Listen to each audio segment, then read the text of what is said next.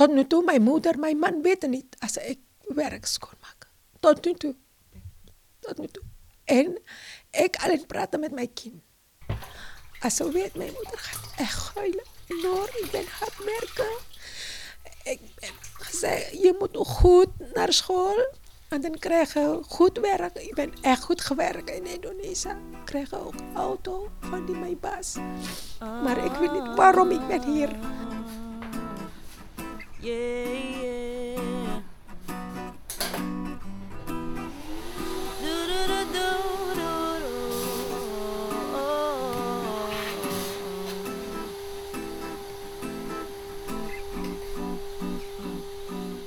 Tell me what did I do wrong?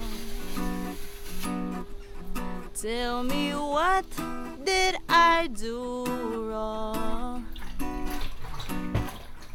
Tell me what did I do wrong for you to treat me like this? Is my life's worth less than a piece of document? Is that it?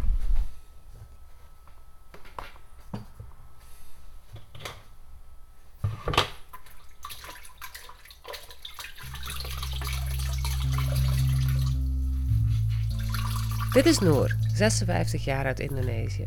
Ze woont en werkt al ruim 20 jaar in Nederland. Zonder papieren. Noor werd uitgebuit. Het verhaal van Noor staat niet op zichzelf. Jaarlijks komen heel veel vrouwen uit Zuidoost-Azië naar Nederland om hier te werken. Om huizen te poetsen of om op onze ouderen en kinderen te passen. Zonder papieren. En dat maakt kwetsbaar. Deze vrouwen werken meestal zeven dagen per week, krijgen nauwelijks betaald en mogen soms niet eens naar buiten. In deze podcast Uitgewrongen nemen we u mee naar een andere wereld. Een schaduwwereld. Ik ben Jessica Maas. En ik ben Wiebe de Jong. Vandaag aflevering 1. Bang om naar buiten te gaan. In deze aflevering maakt u kennis met Noor en Cora. Twee vrouwen die de schaduwwereld maar al te goed kennen. Dit goed, hè? ik ben Noor. Ik ben uit uh, Indonesië. En ik ben hier 99 tot uh, nu toe. En ik heb ook uh, drie kinderen.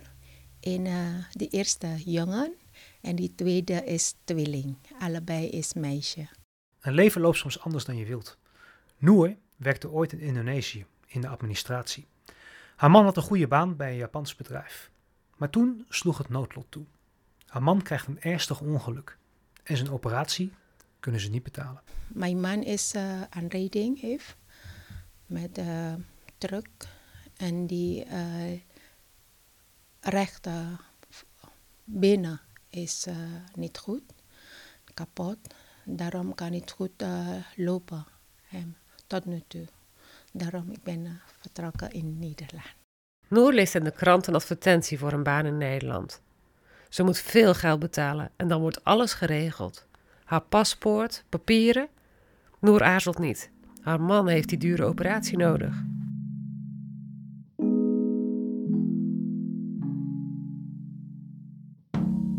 Kan niet uh, betalen voor uh, operatie.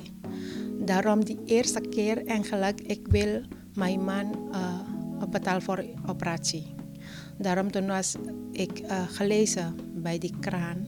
Er is uh, werk uh, voor werk in Nederland, Heineken, daar schrijven daar. Heineken, die salaris is goed. En daar is alles insurance, alles geregeld. Telefoonnummer en die adres. Ik ben daar gelijk in, daar naartoe.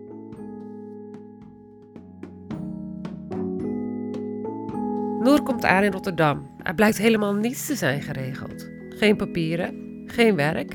En in plaats van een goede baan gaat Noor aan de slag als schoonmaker bij een restaurant. Ze kan nergens heen.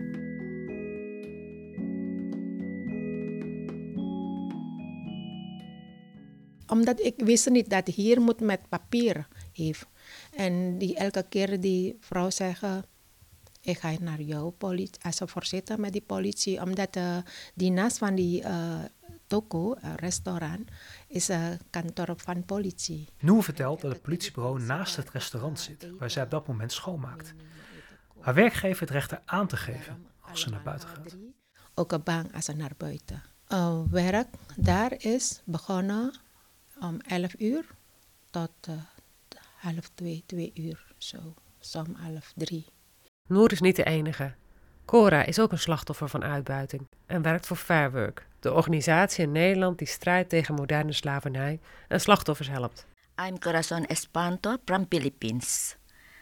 I'm a victim of human trafficking. We gaan haar nog vaker tegenkomen in deze podcast. Cora is al 70, klein en ze vertelt met veel emotie over haar verhaal. Ze grijpt met haar kromme vingers in de tafel.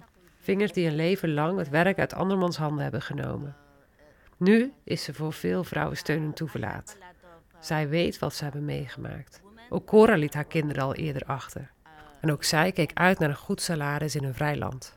Begins my yeah, dream that uh, oh when I, I reach that place it's a democratic country and uh, maybe I can find that uh, I can go out and uh, meet a friends and more higher uh, uh, uh, salary.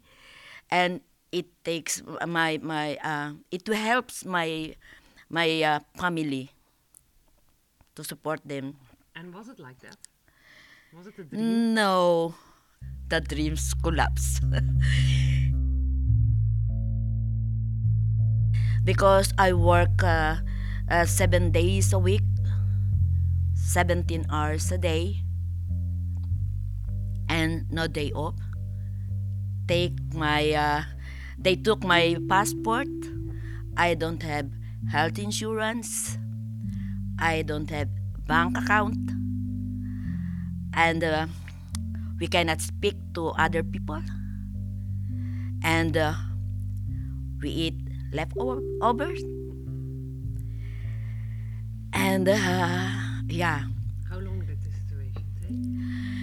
it takes uh, i work for them for how um, first in uh, saudi i work with them for four and a half years.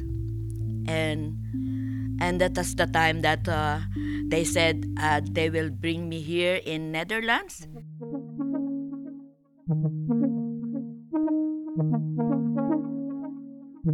then uh, it begins that uh, my son came here. I, for me when i work alone i didn't recognize all the things that uh, the hard work. No i didn't see that one because i need to earn money and uh, yeah um, to support my family.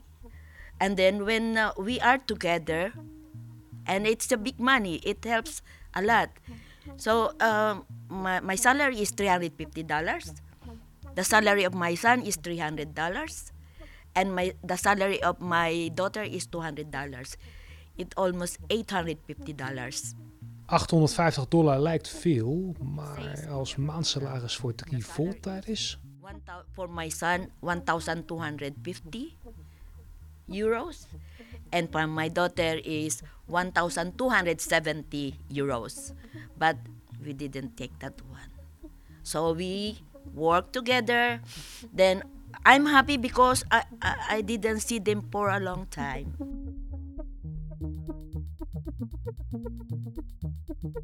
My children regret about what is happening.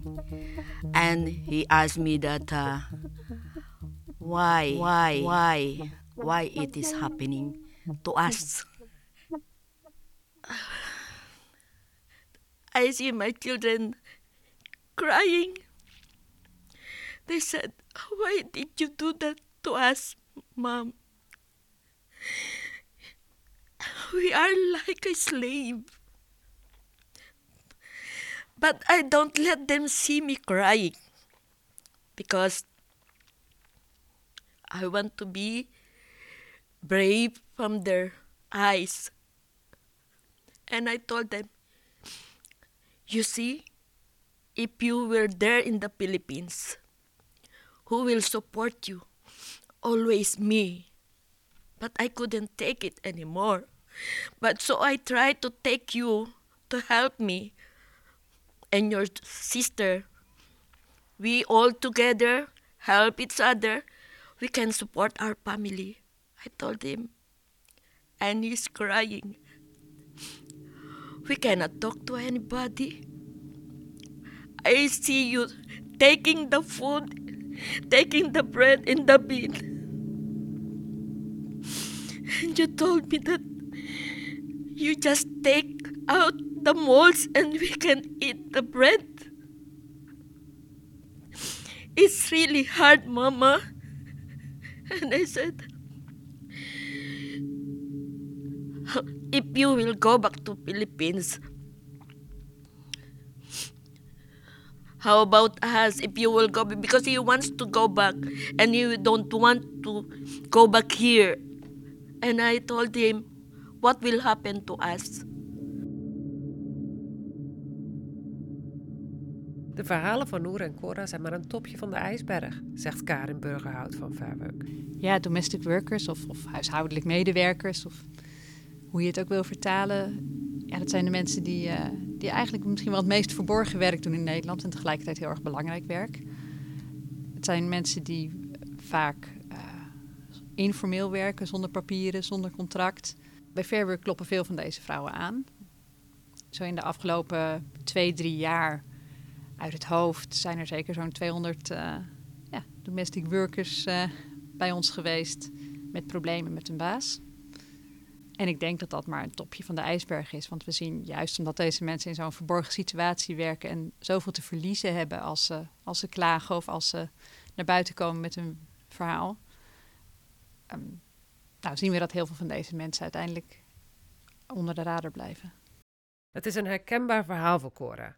Ook zij had te veel te verliezen. We just say, we are fine, but it's not. But we don't want to speak with them because we are afraid to lose our job. We are afraid that we cannot support our family. Nou, ik denk dat je niet moet onderschatten hoe bang deze vrouwen zijn om een mond open te doen. Laat staan om te melden of aangifte te doen bij een, een autoriteit. Mensen zijn bang om uitgezet te worden. Um, zijn bang dat ze dan hun familie niet meer kunnen onderhouden, dat ze hun werk kwijt zijn, geen onderdak hebben. Hebben vaak nog niet zoveel netwerk in Nederland.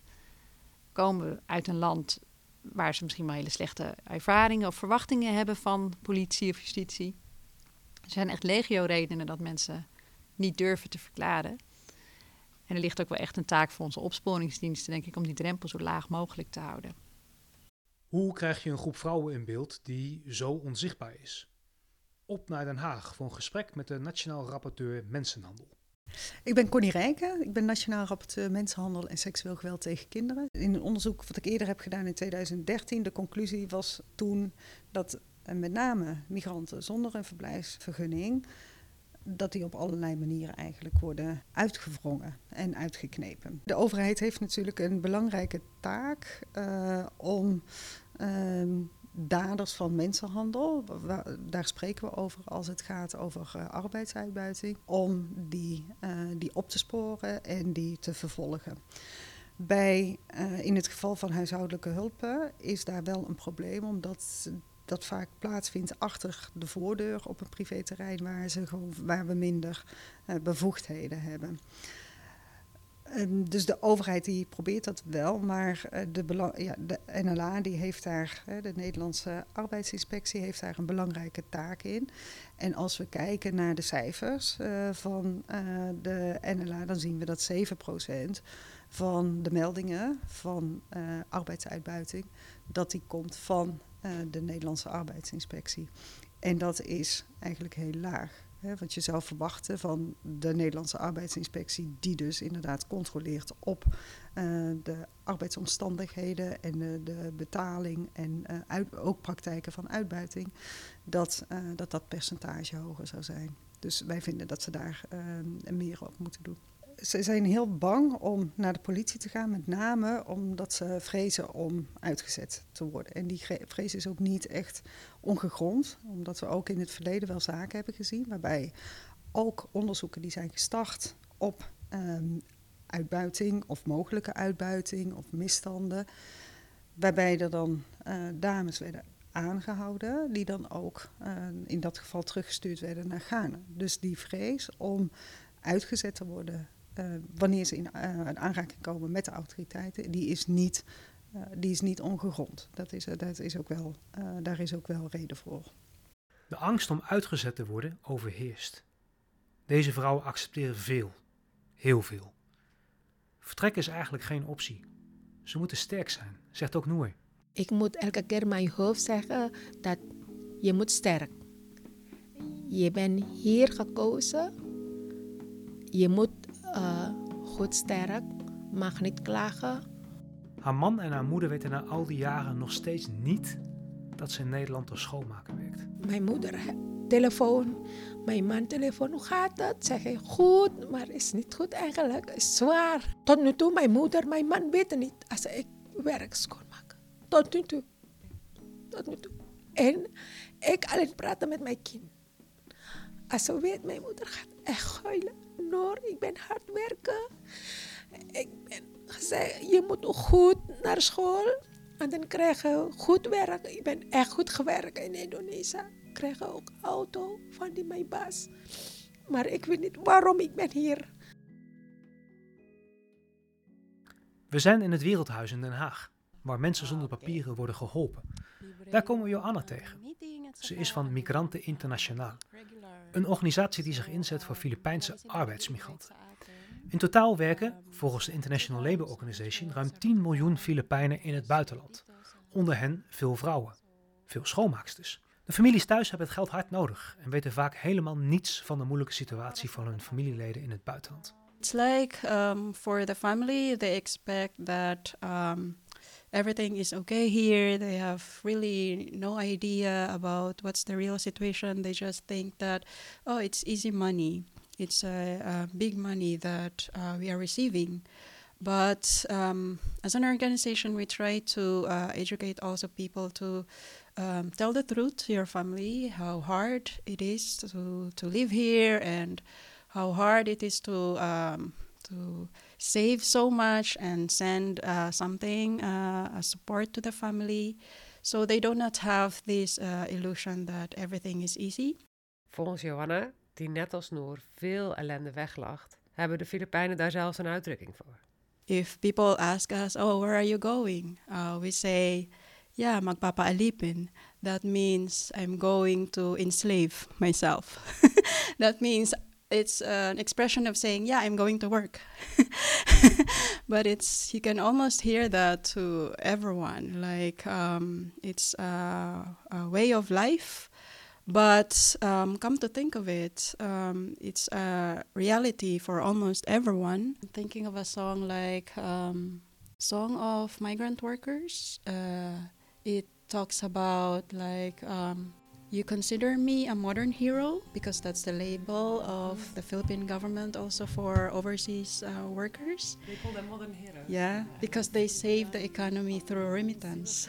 Because the remittance is like uh, more than uh, 10% um, distribution uh, contribution in the um, local economy. Noor weet inmiddels dat het leven in Nederland niet easy is. Ze is verschillende keren weggerend van een werkgever, ontsnapt aan een aanranding. Die situatie is moeilijk hier, geen, geen leven zo.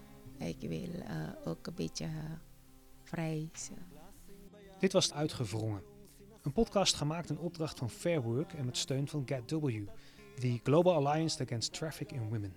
Ken je iemand die momenteel wordt uitgebuit of heb je vermoedens dat iemand wordt uitgebuit? Neem dan contact op met Fair Work via fairwork.nu. In aflevering 2 maken we kennis met Karen, die vastzit in het Hilton. Yeah, I stay. I I live in uh, Hilton Hotel in sixth floor, so I cannot see people around there. Only the housekeeping, but then I cannot still talk with them because they are uh, my employers are watching me. So whenever I talk to anyone, they call me you. Go there and clean the house and do like like this. They said so. I cannot talk to anyone. it's like a prison because even if uh, you want to talk to someone, it cannot be.